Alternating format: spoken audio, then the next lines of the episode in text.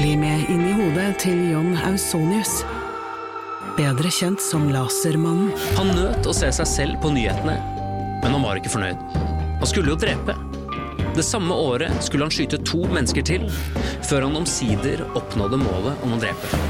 Hør på innsiden av Psykohoder med Jonas Alf Oftebro og rettspsykolog Susanne Nordby Johansen. Gratis der du hører podkast.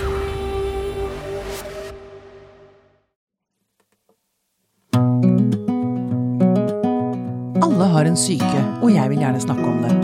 Det gjør jeg her, sammen med huspsykolog Magnus og en gjest. Dette er Pia på syke. I dag skal det handle om selvkritikk, så da skal jeg begynne med noe som får min indre kritiker til å ta frem paukene og basunene og hamre løs. Da skal jeg nemlig be om penger. Og det er eh, vondt, Magnus. Kan du forstå det? At det er sånn det er litt sånn ubehagelig? Det er sikkert noe som trigger litt sånn selvkritikk hos mange, det. Ja. Er du en tigger, Pia? Ja, ikke sant. Klarer jeg ikke å skaffe meg pengene sjøl? Grav dypt i lommene, folkens. Ja, altså. Det er årets tiggerferd.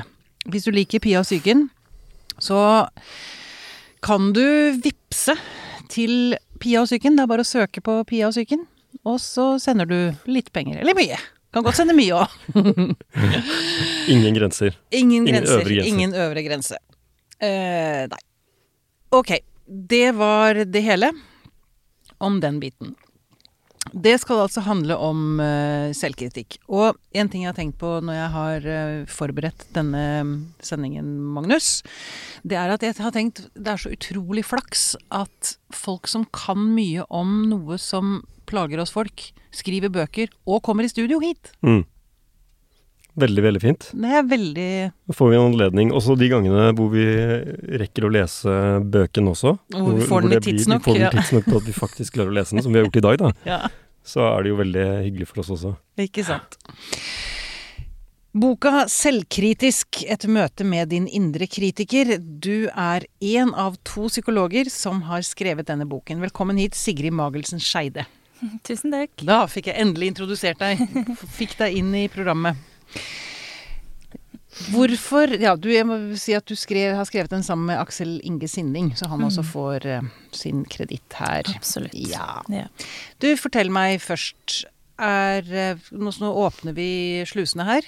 Er dere selvkritiske? Magnus, Sigrid? Kom så med det. er det derfor dere begynte å skrive boka, Sigrid? Ja, skal jeg ta ballen først? Du kan begynne. Jeg er ganske selvkritisk, ja. Mm. Um, jeg liker jo å formulere det som at jeg har ganske høye standarder til meg selv, da, men eh, når man begynner å jobbe med det her temaet, så skjønner jeg jo at det er en indre kritiker som er for aktiv, rett og slett, Ja. innimellom. Ja. Og det har vært litt interessant i arbeidet med boka òg, fordi Aksel som jeg skrev sammen med, han har ikke så heftig indre kritiker. Har han ikke, nei? Nei. Nei. Han er eh, Altså, jeg vet at han også har sitt som han er selvkritisk for, men han er en mye mer sånn fredelig type, liksom. Og han er mer sånn fornøyd, og når vi skriver sammen da, så er jo han er så fornøyd med det vi har gjort. når vi er ferdig med et kapittel og sånn. Mens du filer Mens og er filer sånn, og filer? Ja, men jeg lurer på, så går jeg og tenker og tenker og filer og filer og holder Ja. på. Ja. Ja, Flytter kommaer og Absolutt. Ja. Så jeg har vært eh, korrektur og ja, Ja. Den, den eh, biten av det har jeg tatt mest av. Ja. Men er det der du er mest selvkritisk? På det faglige? Um, nei, jeg vil ikke si at det er det som stikker dypest. For det er ikke det viktigste for meg i livet, på en måte, å være faglig flink, selv om det betyr mye. Men jeg har hatt personlig mye mer vansker med en sånn dypere kritikk rundt hvem jeg er, Mm. Og om jeg kan bli likt og inkludert av andre. Ja.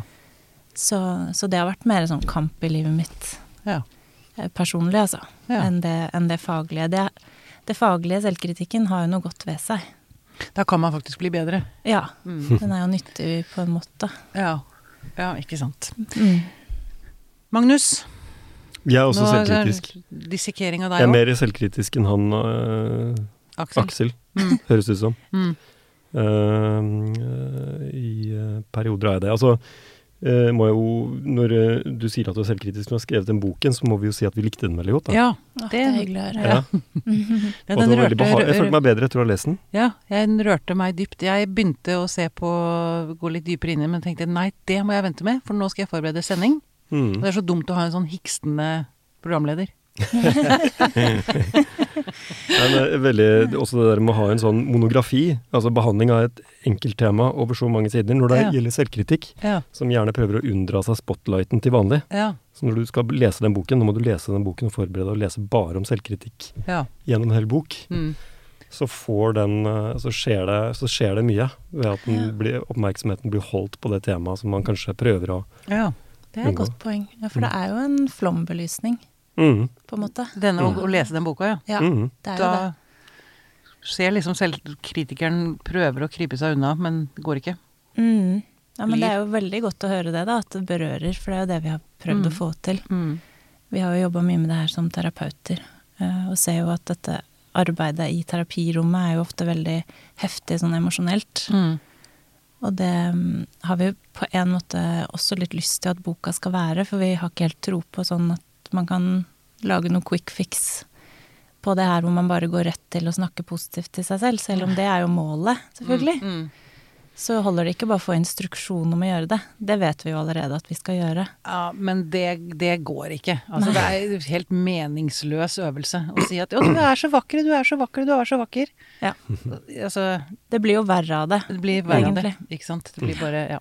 Men eh, Magnus, jeg må bare si at du dodga kula litt, vil jeg si. Ja, gjorde jeg det? Ja Uten å merke det Uten- selv? Ja, ja, at jeg er selvkritisk? Ja. Det, det, Men- det er bare interessant å høre hvordan selvkritikken arter seg. Uh, nei, Hvis du er altså, villig. Du trenger jeg- ikke. Det, Altså, det, er ikke noe sånn at det, er ikke noe, det er ikke noe massivt, det vil jeg ikke si, men at eh, Når du spør meg her nå, så tenker jeg jo på de gangene når vi snakket om å forberede oss til denne podkasten, de gangene hvor man kommer og er mindre forberedt, da, som jo Mm, mm. må skje en gang iblant her, Mm. så uh, må jeg jo hive meg ut på uten å være forberedt nok. Og da vet jeg jo at jeg etterpå tenker at fader eller uh, Pia har ikke, du trenger ikke å redigere det, men det kommer til å det smerter at det der skjedde. Uh, så sånne ting kan skje. At jeg ja, Ja. vurderer meg selv i etterkant. Ok. Det er eh, godt å vite. Da vi er da tre som sitter her med mm, varierende grad av eh, indre Sterke indre kritikere på forskjellige felt. Det er alltid det er et bra utgangspunkt. Jeg har lyst til å begynne med eh, hva selvkritikk faktisk er for noe. Det har med skam å gjøre. Ja. Um, så sånn som vi tenker på det, så er jo skamfølelsen på en måte den som ligger der um, litt sånn underliggende, eller opplevelsen når du er selvkritisk, er ofte skam. Og så er på en måte selvkritikken en slags sånn språkliggjøring av den følelsen skam. Altså skam er jo en opplevelse av å være mindreverdig, uh, være dårligere enn andre, ikke god nok, ikke passe inn sånn som man ønsker å gjøre.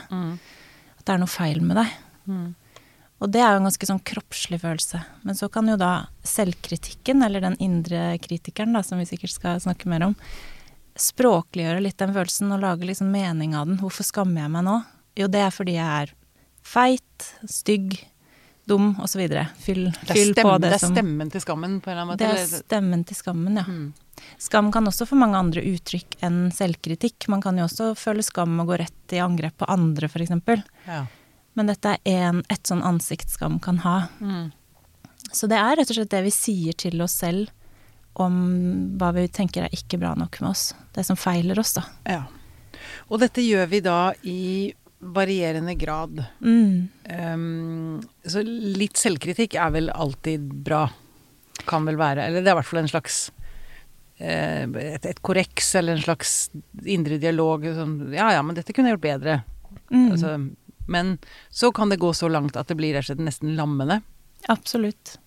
Kan Prøver du- å skille litt mellom konstruktiv og destruktiv selvkritikk, da. Ja. i boka. Mm. Um, og så tenker vi jo at vi har litt av begge deler antagelig, alle sammen. Mm. Men noen har veldig mye av den destruktive. ja. Og hvis jeg skal starte med den destruktive, så er jo den ofte at den handler om hele oss som menneske. Den, oh, ja. den går ikke Altså det, når du nevnte, Magnus, at du kan bli selvkritisk etter en sending, så vil det jo være forskjell da om du sier til deg selv 'her burde jeg forberedt meg litt mer'.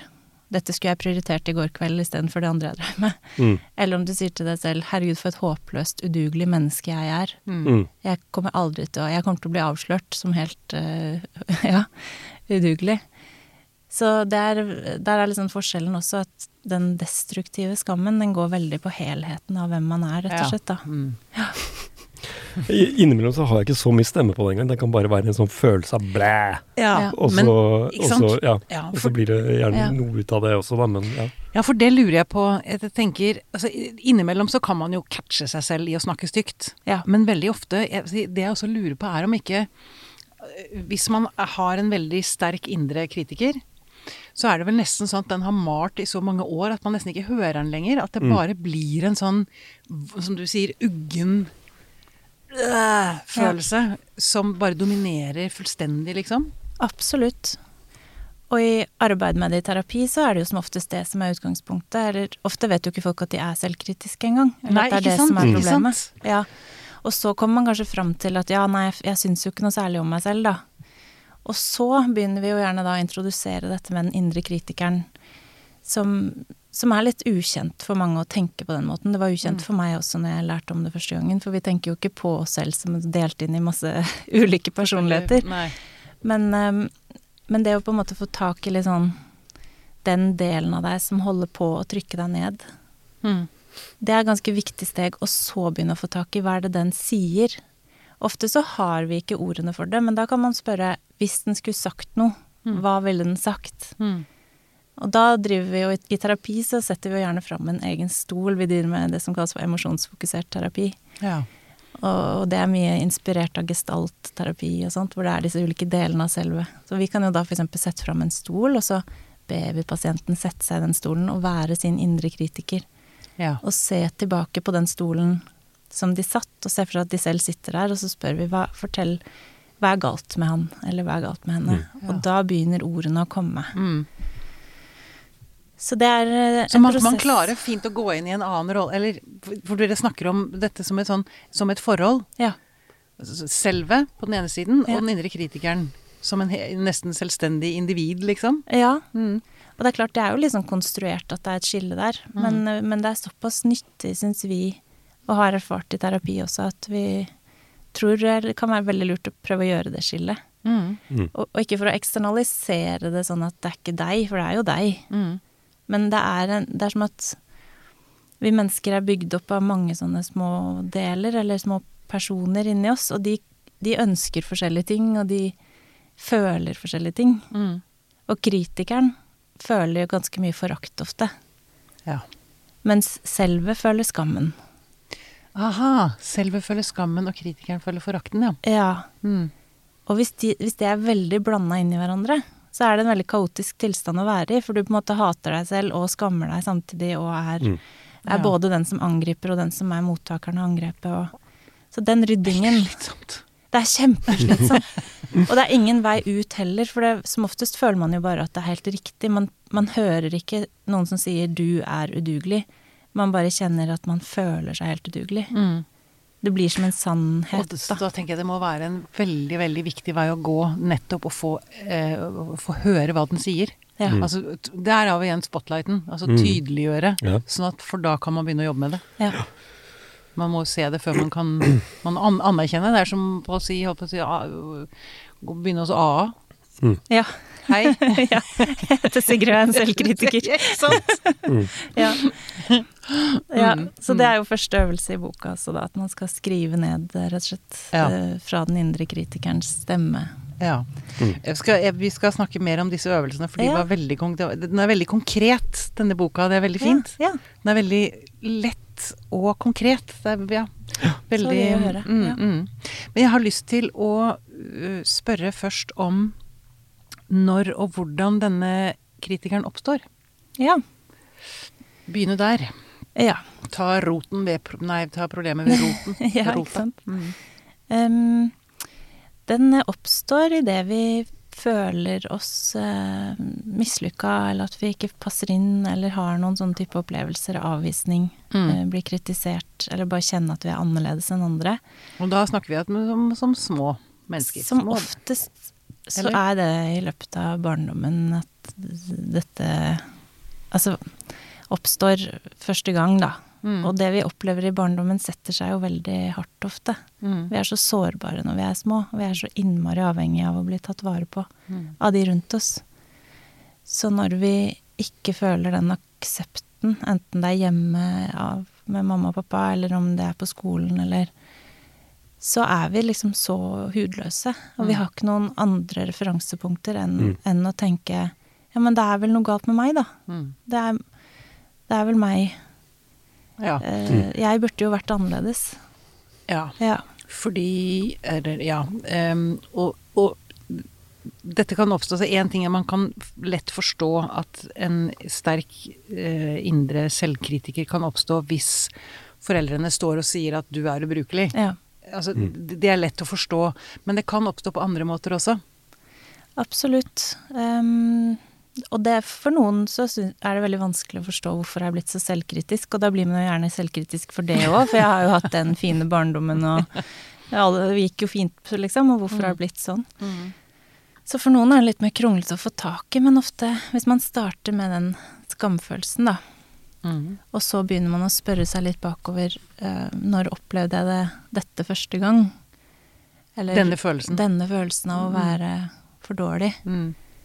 Eh, Kan jeg huske no hvor lenge har jeg hatt det sånn? Og så kan man begynne å spole litt bakover. Og det, og det kan jo være f.eks. hvis man er en del av en kultur hvor man ikke passer inn. Altså det kan jo være noen som er veldig utadvendte, som kommer i en familie hvor man har blitt hysjet ned, eller andre rett og slett er mer stille, eller motsatt. Mm. Um, eller det kan være hvis man har hatt en legning som kulturelt sett ikke har vært akseptert, for Mm. Mm. uten at noen har sagt til deg at du bør skamme deg, Mm. så plukker man det opp. Mm. Eller man har sett det annerledes ut. Også på sånn mangel på tilbakemeldinger. Ja, eksempel hvis man har en foreldre som er deprimert, eller Ja. som ikke har tid til deg, eller Absolutt. Mm. Hvor det er et litt sånn tomrom, eller du får ikke de gode følelsene av å bli sett og bli feira som den du er, da. Ja, eller inkludert. Man kan jo Ja. bli ekskludert fra sin egen familie også. Absolutt. Mm. Eller, eh, eller på skolen, selvfølgelig. Eller på skolen, skolen, Ja. Så kan det jo også oppstå mye destruktiv selvkritikk i voksen alder òg, hvis man f.eks. har levd i et eh, forhold som hvor man har blitt utsatt for psykisk eh, vold, eller Mm. Mm. i et arbeidsforhold hvor man blir mobba på arbeidsplassen, eller Vi er veldig sårbare for hverandre som voksne også. Mm. Vi tar jo gjerne inn i oss det å bli avvist som at det er vår egen feil, da. Ja. Men er det ikke lettere er, Har man ikke større motstandskraft hvis man har et godt selvbilde med seg fra man var liten, liksom? Eller er man like sårbar? Nei, jeg tror man har bedre motstandskraft. Jeg vet ikke med deg, Magnus, men jeg har, når jeg jobba med pasienter som har fått dette her veldig i voksen alder, men det har vært et godt grunnlag der fra før, så syns jeg liksom prosessen ofte går mye Mm. lettere og raskere Mm. enn hvis det har ligget en sånn grunnleggende skamfølelse fra Jeg er helt enig og det der med de som til stadighet ender i destruktive forhold, Ja. eh, som har med seg en destruktiv måte å behandle seg selv på, som de kanskje har med seg igjen fra tidligere. Det er jo også noe man ser igjen og igjen. Mm. At de finner seg i Er blind for den, eh, blind for den dårlige måten å bli behandlet på. Ja. Eller den harmonerer kanskje med den selvkritikeren, eller Ja. Ja, ja. gir, eh, sant. ja. Man har det med å havne i nye destruktive forhold igjen og igjen fordi det stemmer på en eller annen måte med selvbildet. Mm. Ja, så du har et veldig, veldig altså Hvis du er veldig selvdestruktiv, og i hvert fall hvis det er såpass eh, smeltet sammen med selvet ditt, at du føler bare at det er sånn det er, Mm. så vil det jo være vanskelig for deg å oppdage når andre behandler deg dårlig på litt subtile måter. Når de ikke behandler deg med den respekten du Mm. ville forventet, da. Mm. Eller burde forvente, kanskje. Det er sant. Mm. Men for å knytte det til den indre kritikeren, for du Ja. på når den Ja. oppstår, Ja. så er det jo hvert fall Jeg tenker at det finnes mange veier inn i selvkritikk, og andre kan sikkert mene andre ting også Mm. enn det, men det vi legger litt vekt på, er jo um, at, in, at kritikeren oppstår på en måte idet du føler at her er jeg ikke god nok, og så oppstår den som en del av deg som prøver å passe på at du skal bli god nok, da. Ja. Ja. For den er egentlig en hjelper. Ja, det er jo litt av essensen som vi har lyst til å få fram, at den virker jo veldig ond. Mm. Og særlig når man begynner å først å utforske hva det er den sier og sånn. Mm. så er den jo sånn djevel på skulderen. Mm. Så, men når man utforsker den litt mer, så, så er den jo litt mer som en sånn livredd vaktbikkje, da. Som Ja. er litt sånn at jeg har sett at eh, det ikke har gått så bra, eller du har blitt eh, Du har hatt det litt vondt før. Nå skal jeg passe på at det ikke skjer igjen. Og måten jeg gjør det, er å kjefte på deg og minne deg på hele tida at eh, du må bli bedre, eller du, du er ikke god nok, eller Og da prøver han jo på en måte å unngå at du eksponerer deg for situasjoner også som du kan kanskje mislykkes i òg, da. Mm. Mm. Så det kan jo gjøre også at man holder seg selv ganske mye igjen. Ja, men Ja. også er det fordi det, det dere skriver den, Denne kritikeren er jo ganske enfoldig. Ja. Mm. Det var morsomt. Ja, ja, ja. morsom sagt. ja. Ja, for For den tror at jo mer den kjefter Så den tror at jo sterkere kjeft, jo bedre blir du, liksom. Ja, ja, ja. Mm. Og så virker den totalt mot sin hensikt. ja, ja. Dere, når det gjelder det der med hvor den kommer fra, for dere snakker jo litt om Eller dere skriver jo litt om det med, med om det hjelper å snakke om fortiden. ja. Men jeg syns jo det egentlig dere skriver det veldig godt at uh, det dukker jo opp eh, Sånn som dere beskriver det, så er det noe som dukker opp uh, i arbeidet med dette. Eh, og det tror jeg alle som jobber med terapi, skjønner. At eh, det er veldig få som nødvendigvis sitter og eh, leter etter fortiden når pasientene kommer inn. Det er jo Mm. noe som spontant dukker opp, gjerne, ved at man jobber med noe som er aktuelt her og nå. Ja. Og gjennom en følelse av at sånn har det vært, eller uh, dette gir mening ut fra hvordan, Ja. hvordan ting var tidligere. Så uh, uh, Og ofte så kan jo den der forståelsen av hvordan ting henger sammen, være på én måte en gang, og så utvikler det seg jo, mer, jo flere erfaringer du gjør. At øh, fortiden Ja, man får bedre grep om fortiden uh, utover i et Altså at man, terapiforløp man også. Man nøster seg ja. nærmere og nærmere At noen innsikter man gjør først, ikke sant, kan Mm. komme med et, et gjennombrudd av følelser. Et Mm. gjennombrudd av uh, f.eks. sterk skam eller noe sånt noe. mm. Mens det på et senere tidspunkt blir enda klarere å, å tre frem på en ny måte. Mm. Mm. eh, fra hvordan det har vært i historien. Da. Mm.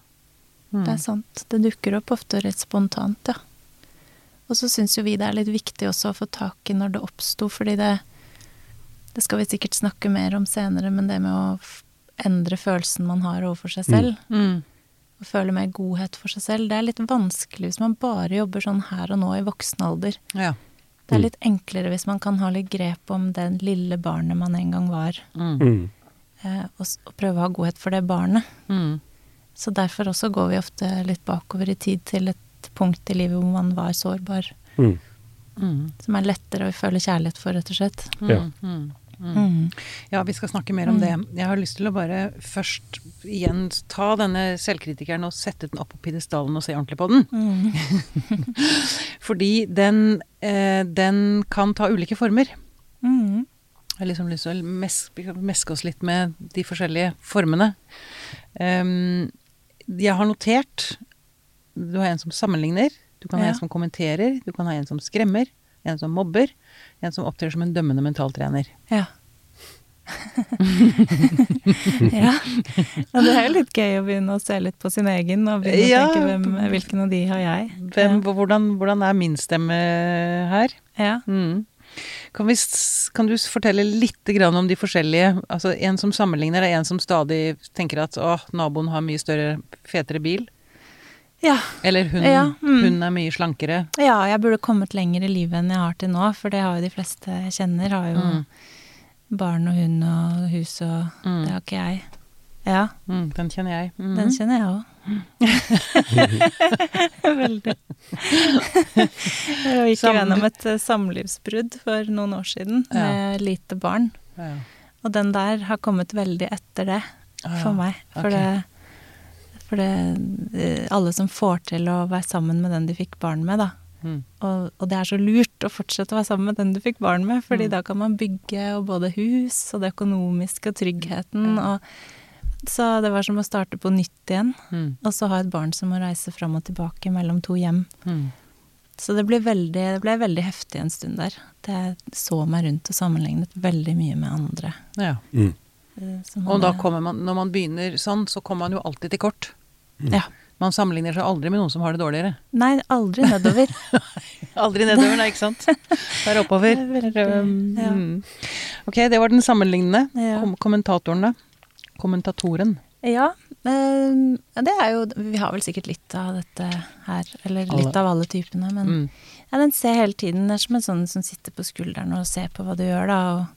Og ok, ja, du bestemte deg for å si det, ja. Fint. Nå syns du det var din Var det, var det spesielt intelligent, Ja. syns du?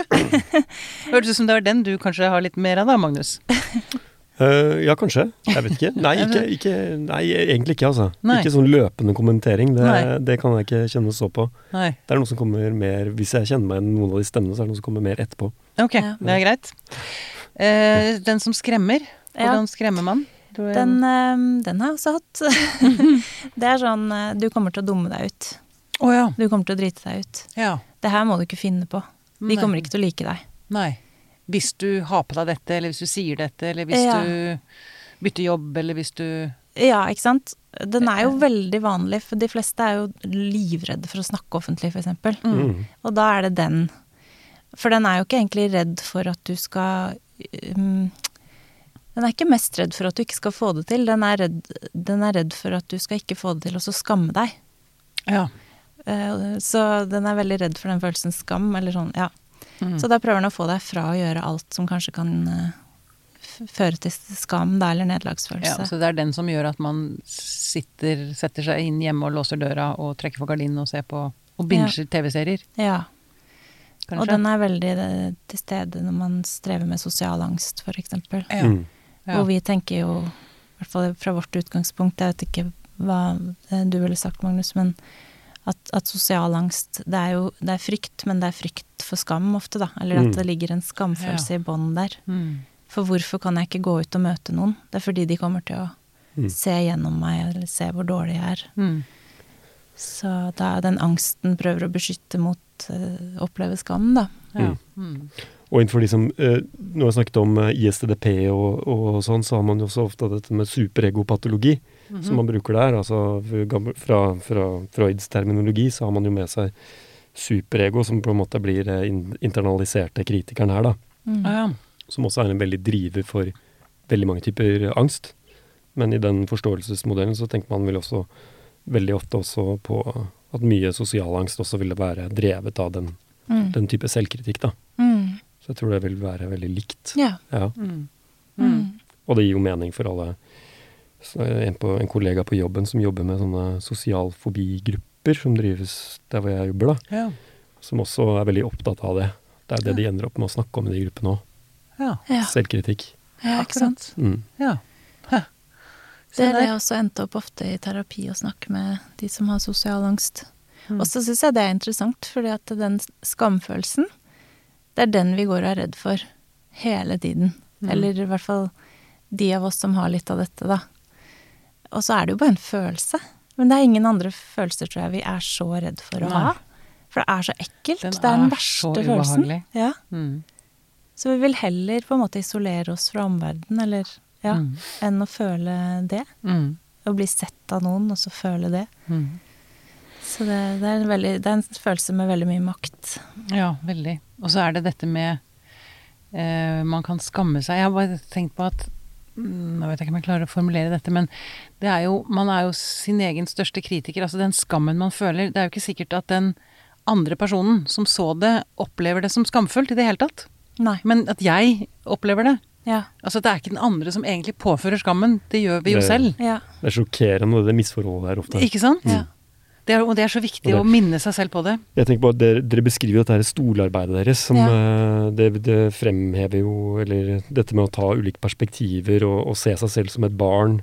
Eh, det er jo metoder som man bruker i, i, eh, i, flere, Mm. i flere terapiretninger. Altså den Dette hvor, hvor klart det blir for folk. Mm. Eh, ofte hvis de kan se seg selv litt utenfra og få hjelp til å, å, å se det kanskje som noen andre som blir utsatt for den samme kritikken. Mm. Hvordan det da kan eh, bryte gjennom til ofte veldig mye tristhet. da. Mm. Eh, fordi det, man trenger nesten det for å klare å skjønne hvor, hvor voldelig denne eh, kritikeren er. da. Er, Ja. Mm. Mm. Det er sant. Også, Jeg husker jeg hørte intervju med Trygve Skau. Han har snakket en del om indre kritikeren.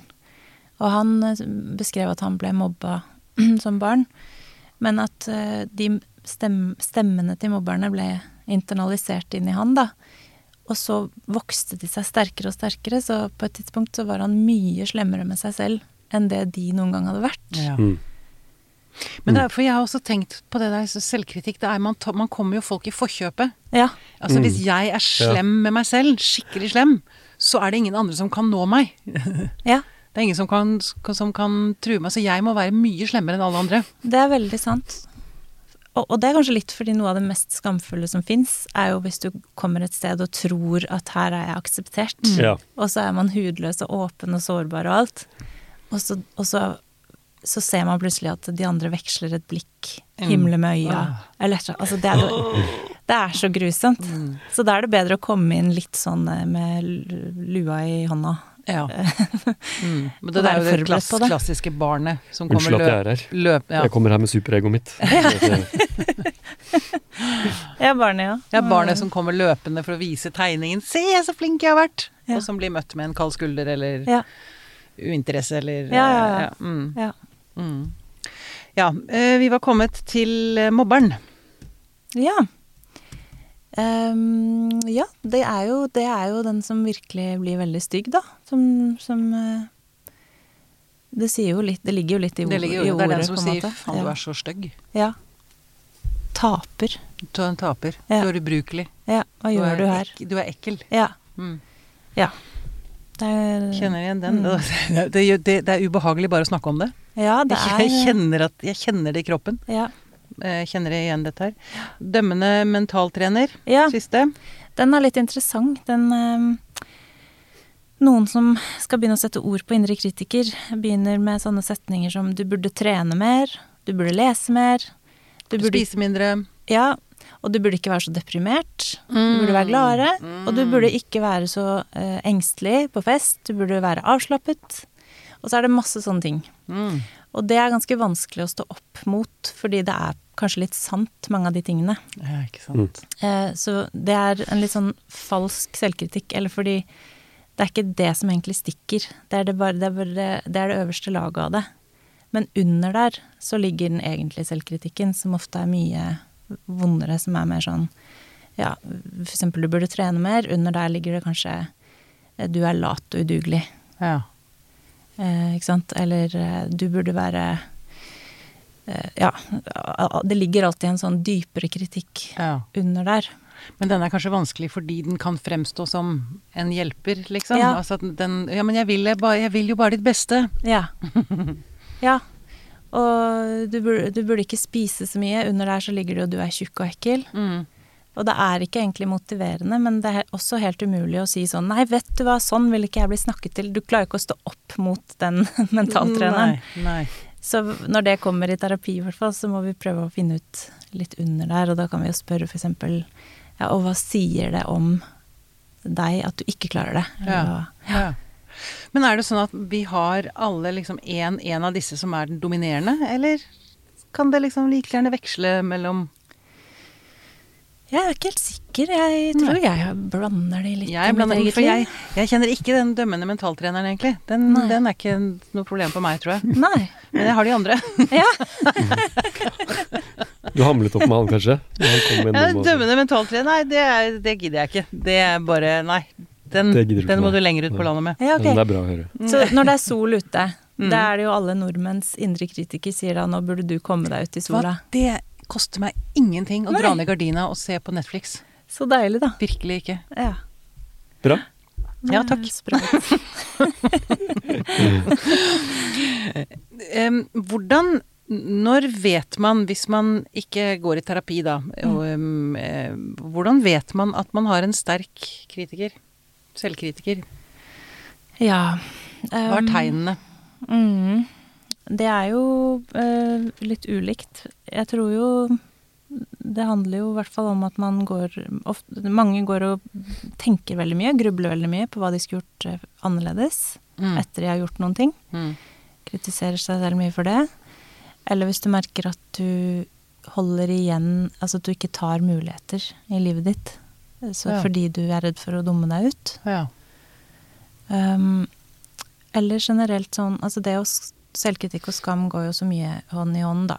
Men det å skamme seg mye det, Skam er en sånn følelse som dreper vitalitet. Mm.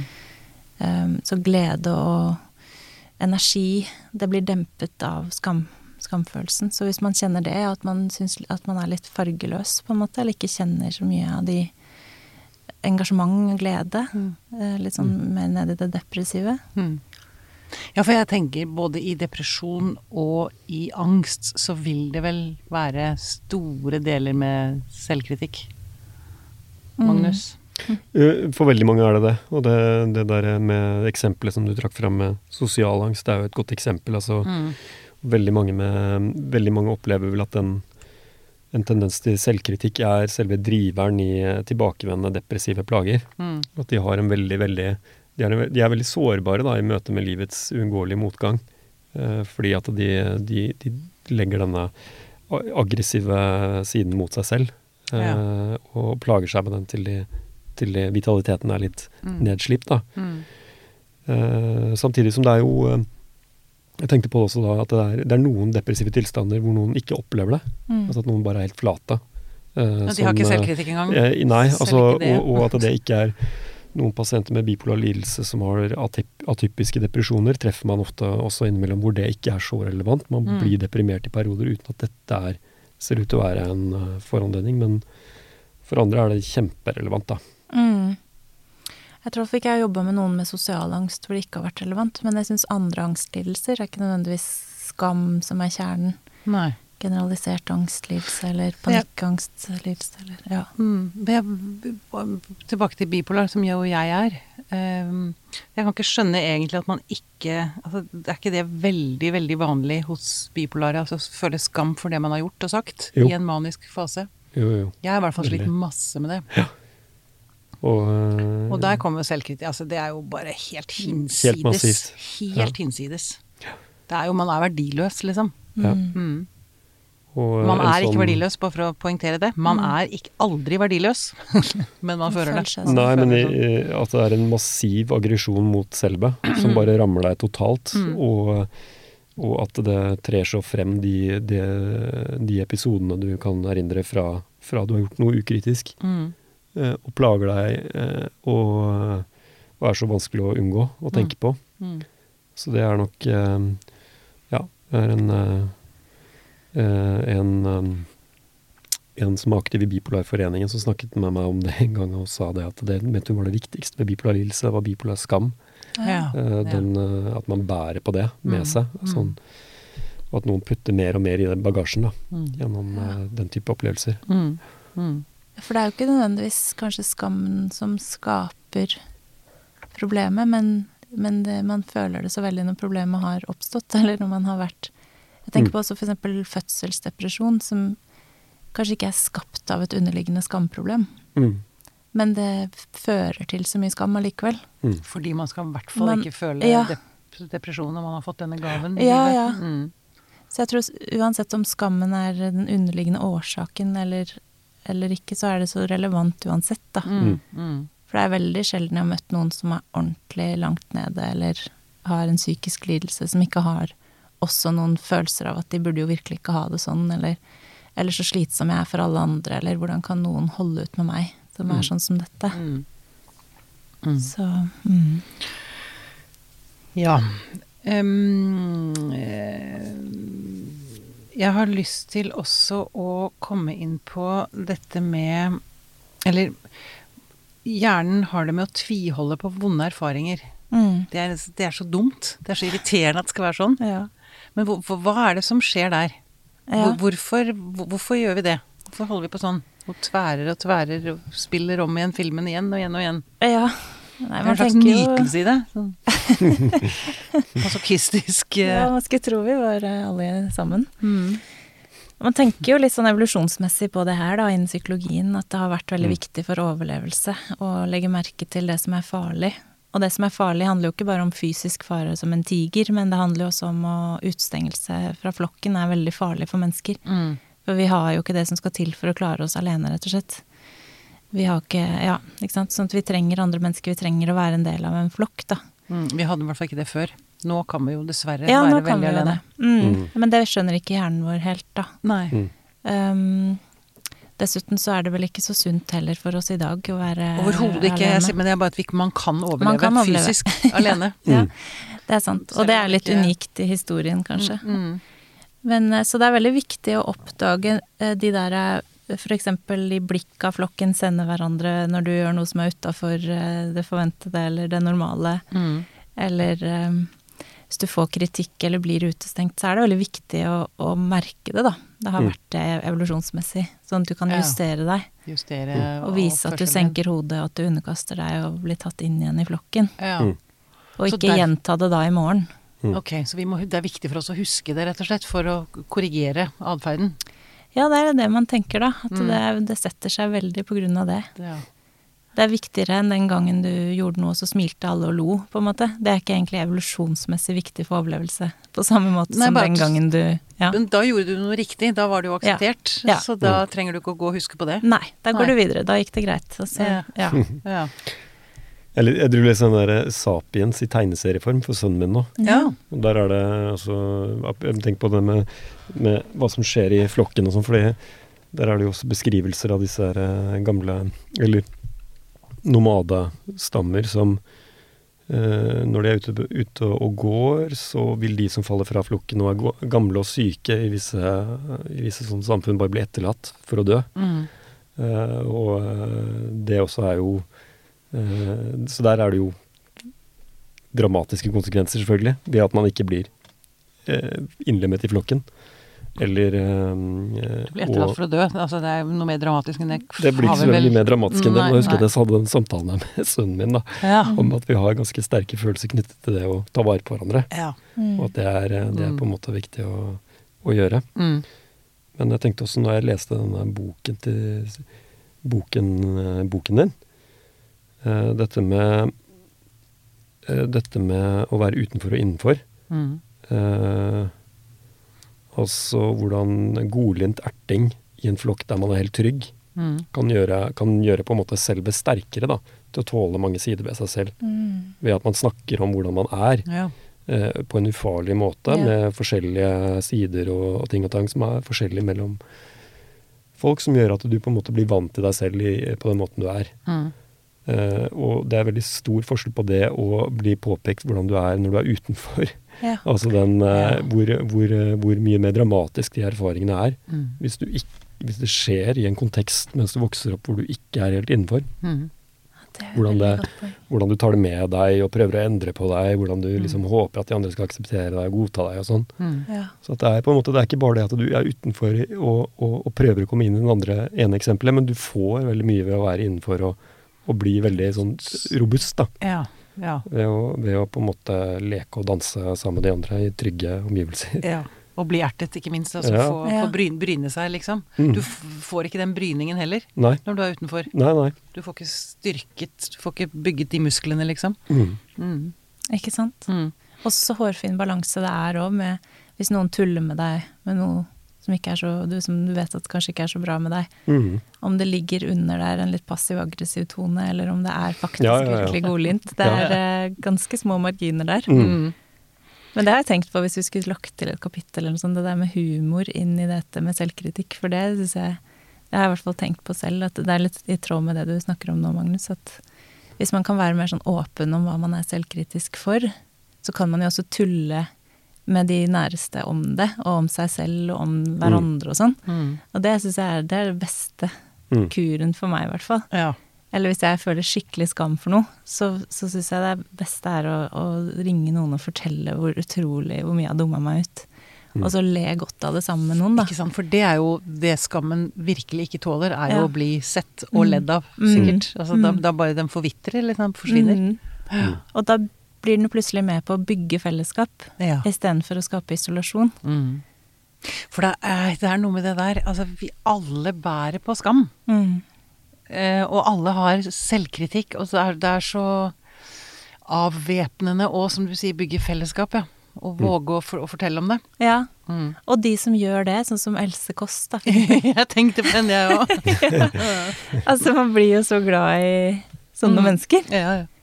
Som byr på det, Ja, liksom. ja, ja, ja. Eh, ja. Og det hørte jeg eller, Jeg, jeg hørte en, eh, noen som sa noe veldig spennende om hørte en, podcast, en annen podkast om Hva hører du på andre enn meg? Nei, jeg jeg drev og leste, jeg drev og leste Augustins bekjennelser, eh, som, er jo, som ble, også ble den drøftet i en annen podkast, hvor det er en som sa det at eh, Som jeg ikke visste eh, For det er en bok som handler om uh, hvor han utleverer seg selv. Skamfulle sider og, og synder og alt mulig sånne ting. Så en, en slik, litt sånn uh, antikkens uh, Karl Ove Knausgård, da. eh, som det ble hevdet der, hvor, eh, hvor det ble sagt at uh, Karl Ove Knaus- Knausgård, da han skrev disse her Min Kamp-bøkene, han ble overrasket at når han, For han snakker jo om veldig mange ting som er Han er veldig selvutleverende på ting som man skjønner, skjønner kan være kilde til mye skamfølelse hos mange. Mm. Uh, og han, uh, da han la, uh, ga ut bøkene, var han redd for at ingen kom til å skjønne noe av dette her. Men jo mer selvutleverende han var, Jo jo mer skjønte folk, kjente folk seg igjen i det. Ja. Og jo drøyere, og jo, jo mer på en måte eh, følte folk at de møtte han da, og Ja. forsto han. Ja. Så det var et sånt paradoks som jeg tenker egentlig er litt sånn fint å få oppleve som menneske. Mm. Det at når du faktisk åpner deg, Mm. så er det ikke det at du du forventer kanskje at Mange vil kanskje forvente at nei, da kommer ikke folk til å ville ha noe med meg å gjøre, eller de vil tenke at jeg er så rar at det går ikke an å forstå meg. Mm. Men så er det det motsatte som skjer. Mm. Fordi Ja. folk kjenner seg igjen i de lagene, de dypere Ja. lagene der, så kjenner jo folk seg igjen. Ja. Og da føler jo de mindre skam òg, mm. Sammen med deg. Ja. Så det er så lettende for alle. Det er akkurat det. Å, herregud, det er noen andre som føler det sånn, har opplevd det sånn, som har Ja. gjort sånn. Ja. Mm. Det er jo bra. Jeg har bare lyst til å ta et lite blikk tilbake til barnet. Mm. Eh, to grunnleggende behov. Dette sa dere veldig fint. Å høre til og oppleve selvrespekt. Mm. Også dette som da skjer når uh, barnet ikke blir møtt. Det er, jeg, Mhm. vi har sagt dette i, i, en- i podkaster før, men jeg synes det er så fint. Jeg Det er viktig å gjenta det. Et barn slutter jo ikke å elske sine foreldre. Mm. Barnet slutter å elske seg selv, og det vil glemme sine egne behov Mm. hvis ikke det blir møtt. Så vil det Mm. gjøre hva som helst for å ha den tilknytningen. Mm.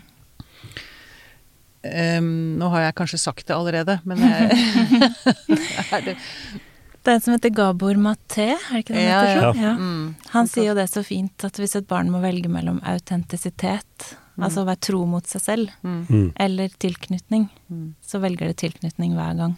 ja, Da vil det heller viske ut seg selv mm, og, og føle den tryggheten som er i tilknytningen. mm. Eh, Og det er jo naturlig igjen, som vi snakket om evolusjonsmessig, så har jo ikke et barn sjanse i verden hvis ikke noen voksne er glad i det, Mm. eller tar vare på det. Så det er jo eneste, e- egentlig eneste måten å overleve i Mm. in a hostile environment. Hva Mm. heter det Mm. på norsk? Mm. Fiendtlige Fiendtlige omgivelser. omgivelser, ja. Ja. Mm. ja, Så er det er jo det. Og ikke-fiendtlige omgivelser òg, så er vi sånn avhengig av bare å passe inn. mm. Og barn legger jo veldig fort merke til hvilke sider de har som foreldrene setter veldig pris på, og hvilke de blir litt mer sliten av. Mm. og det er jo Jeg kjenner det selv, jeg har en seksåring. Det er jo ganske sånn Det er en ganske krevende øvelse som forelder òg, når de er utrolig slitsomme, og man er sliten selv fra før. Og, og fortsette å på en måte vise godhet og raushet og sånn. Mm. Så Mm. ja, barn tilpasser seg. Ja. Men det viktige her er at man kan faktisk komme ut av denne lammende selvkritikken. Mm. Og nå har jeg lyst til å snakke litt om disse forskjellige øvelsene, Ja.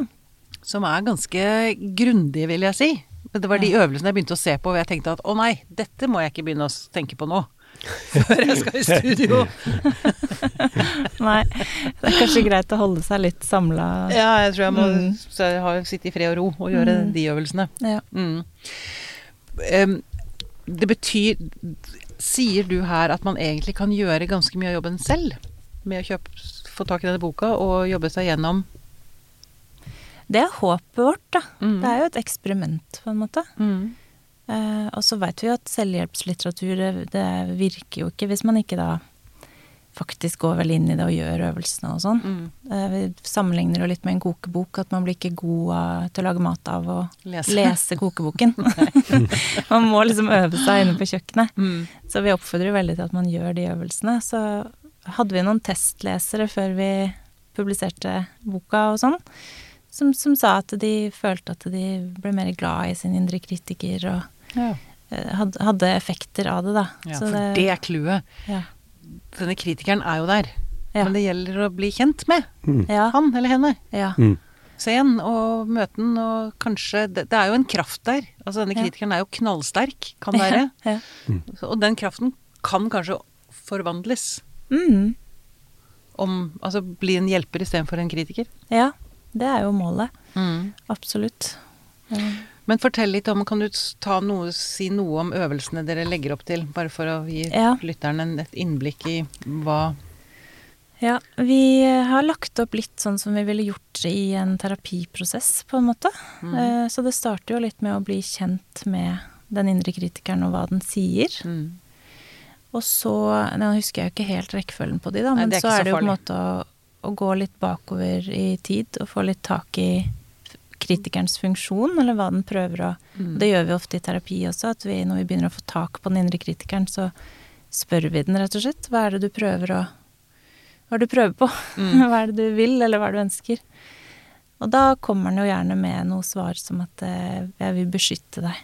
Jeg vil bare at du ikke skal bli avvist, eller jeg vil ikke at du skal oppleve igjen det som du har opplevd, eller mm. Mm. Um, og så er det jo dette med å mm, gå da litt tilbake, som vi har snakket om, til, til barndommen, og hvor disse kanskje sårene har oppstått. Og det handler jo litt om altså det kapitlet som handler om å være en god hjelper for seg selv. Og prøve å snu noe av denne her selvforakten, da, Mm.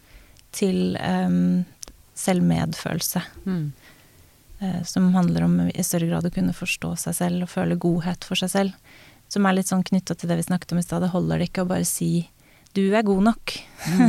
Men man må få den følelsesmessige Altså opplevelsen, av, det. Mm. Men er det kritikeren som hindrer oss fra å føle selvmedfølelse? Er det den som ikke tillater det? Ja, øhm, det tror jeg kanskje, fordi kritikeren er veldig redd for at hvis du skal bare føle medfølelse med deg selv, så blir du ikke Da blir du ikke god nok. Motstandsdyktig, eller Ja, Mm. og, eller at du Da kommer du til å Utsetter du deg for fare også? Ja, ikke sant. Da Du må jo prestere høyt, og du må jo Ikke sant. Alle disse tingene som kritikeren tror er veldig viktig, da. mm. Og mange som begynner å øve på det her med selvmedfølelse, eller får litt kontakt med det, får en sånn backlash av selvkritikk etterpå. Å ja. Um, Den tar igjen? ja, den tar igjen. Eller den forsvarer posisjonen sin, eller et eller annet? Ja. Og Kristin Neff, som har skrevet mye om det med selvmedfølelse, hun snakker om det at eh, når folk begynner å komme i kontakt med det her, og gi seg selv selvmedfølelse, så får de ofte en voldsom sånn krit kritikkstorm etterpå. Og jeg tror det er fordi den delen av oss blir sånn trua, blir Blir livredd, rett og slett. sant? Mm. Blir redd for å miste jobben sin. Ja, og at du skal bli et menneske som da nettopp utsetter deg for å bli avvist, da. Ja. Og tror at du er god nok, men du er jo ikke det, og sånn. Ja. Og det, er jo- det er jo kjempeviktig å være klar over. Ja. Mm. At, fordi man tenker at å nei, nå har jeg gått helt feil, det ble mye, mye verre. ja. Det er veldig fint å være klar over det. Men, Og jeg også husker en gang i terapi satt jeg med sånn stolarbeid med den indre kritikeren da, og så kom det opp et veldig sånn sinne mot den kritikeren, som vi også syns er kjempebra. Et bra steg i terapi. At vi blir sånn, vet du hva, nei, nå, Nå. vil jeg ikke høre et ord mer fra deg. Og så tok personen stolen og dyttet den langt av gårde. Mm. Og så sa de åh, det var deilig. Og så, og så, så ble de så redd. For Ja. det å ikke ha den der, eller at den liksom ikke skulle være der, det, Mm. det var så ukjent og så skummelt. For vi tror jo veldig sterkt at vi trenger den. ja. Og det gjør vi jo kanskje òg. Sånn at eh, neste steg i øvelsene er jo også da å gå rett og slett i en forhandling eller en dialog med kritikeren, da. At den, hvor den skal få være der, men på hvilke premisser. ja. Ikke sant? Hva er det du prøver å gjøre? Nei, jeg prøver bare å få deg til å bli Ja, men det er ikke den effekten det har på meg. Mm. Jeg, jeg blir ensom, jeg blir ulykkelig, jeg holder meg selv tilbake. Mm. Og så, ok, hva trenger du da fra den indre kritikeren? Jeg, jeg trenger mer spesifikke tilbakemeldinger, eller Mm. jeg trenger at du ikke alltid er på meg, eller jeg trenger at du har litt forståelse for at noen ganger får jeg det ikke til, og sånn er det bare, eller Mm.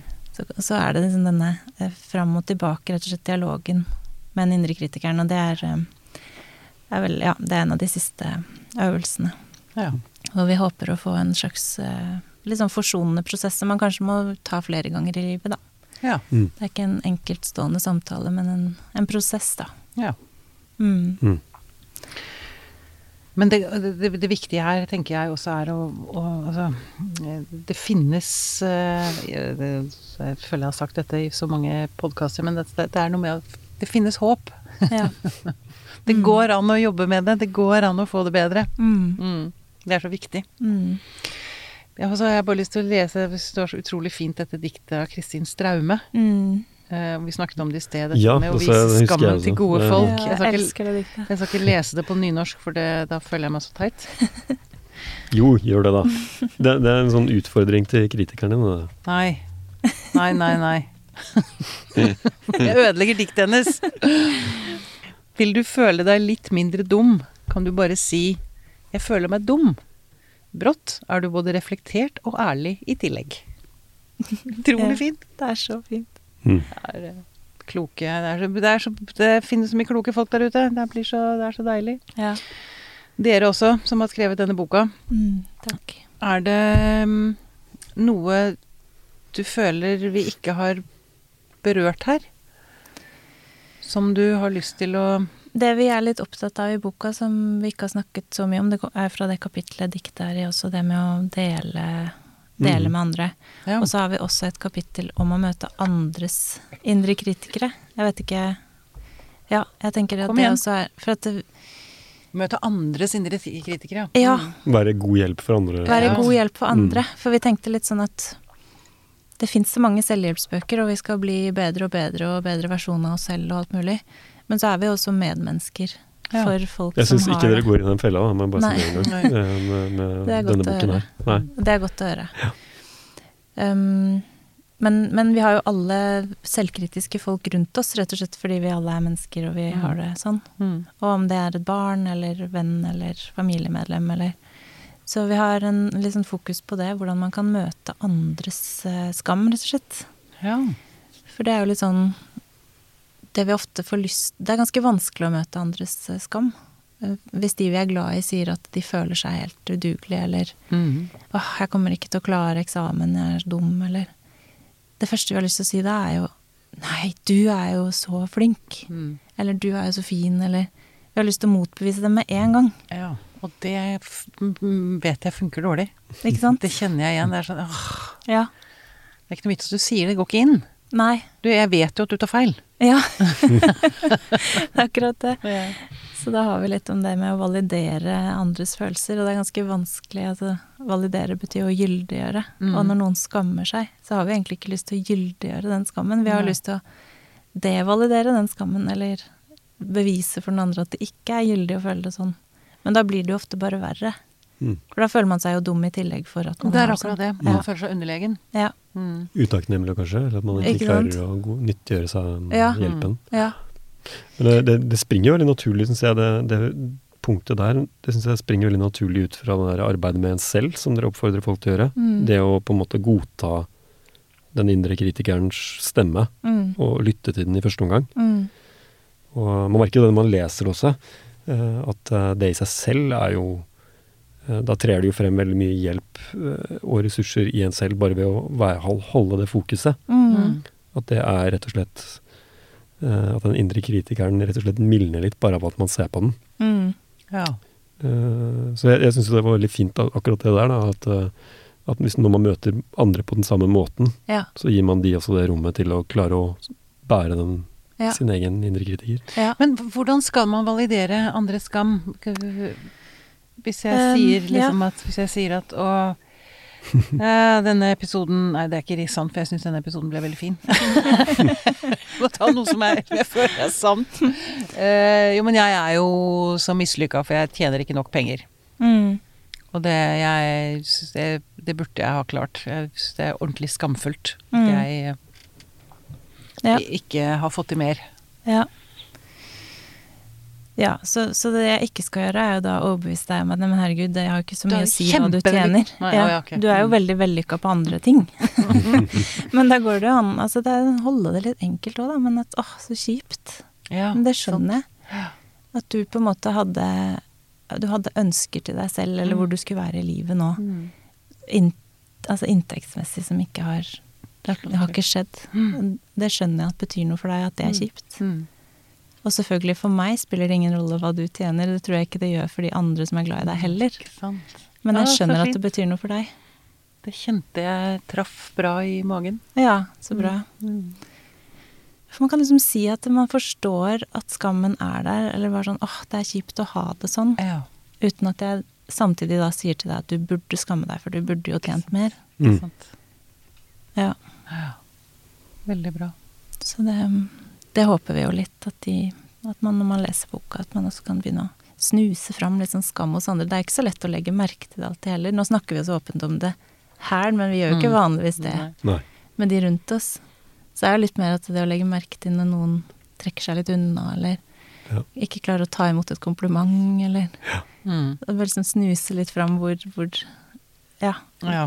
Om når det er i rommet, på en måte. Ja, ja. Mm. Jeg hadde en veldig rar opplevelse her for noen dager siden hvor eh, det var snakk om å være med på en sånn samling. Og så spurte jeg han som skulle arrangere det, ja, men er det bare masse kule unge mennesker der? Mm. Så så han på meg og sa han, ja, er ikke du det? altså in, implisitt så sa jo jeg da at jeg, og ung er jeg jo ikke, altså det er alt er relativt, men dere vet det, ja. Mm. Men kul! Mm. Altså det, det var jo en veldig selvkritisk Ja, ting å si, ja, ja. Men, men pakket inn i litt humor. Ja, ja. Litt sånn selvironi, ikke sant. Men han tok meg på det med en gang, Ja. og det var så fint, for han stoppet opp, og så bare Ja, hva mener du? Altså Mm. det ble, en, det, ble en veldig, sånn- det ble et veldig fint speil Mm. for meg. Mm. Ja, men nettopp. Der Mm. snuste han det fram. Mellom linjene. Mellom linjene. Ja, ja. Ja, for det tenker jeg er en, det er en viktig ting som vi kan gjøre for hverandre. ja, virkelig. Mm. Medmenneskelige ting. Mm. Virkelig. Det er jo Sønnen min er i sånn alder nå hvor eh, han begynner å oppdage seg selv litt mer i Sammenligna med andre enn går i første klasse. Det Ja. oppdage hva han ikke kan så godt og sånne ting. Mm. Mm. Så det er veldig sånn utfordring for meg nå, for han, eh, han plutselig kjenner jo mer på skam. Det var en dag jeg skulle hente han på skolen, og så sto han med hengende hode. Spurte jeg hva, hva er det for noe? Nei, han han hadde prøvd å ake på sånn rumpeakebrett, Mm. og så hadde han ikke klart å få opp beina ordentlig, så han fikk jo ikke noe fart. Og de andre barna fikk opp beina og fikk så fin fart. Ja.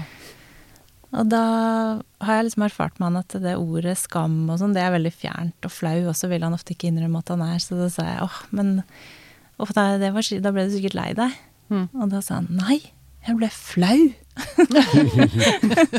og det syns jeg er sånn psykologhjertet mitt bare yes, nå har vi det ordet. Nå er det, nå forstår han den, ja. Ja, Mm. og da kan jeg si at det skjønner jeg at du ble flau, at du har lyst til å få til det de andre får til. Mm. Vi kan øve litt hjemme på stuegulvet hvis du vil, og så ordna det seg, da. Men istedenfor å gå i den eh, Det er jo fristende å si nei, men herlighet, det er ikke noe Det klarer du snart. Det er ikke noe viktig at du får til det er det, du får til.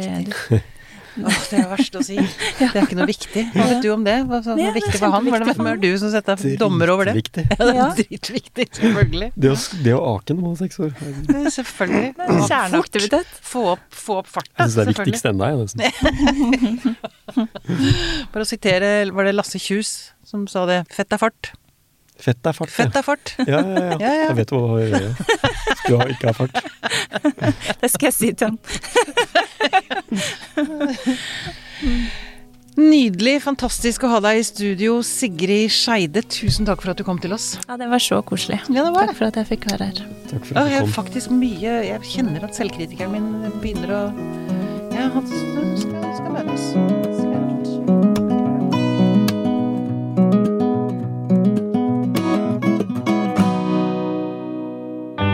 Denne podkasten er produsert av Tid og list. Med støtte fra stiftelsen Kåre Berg.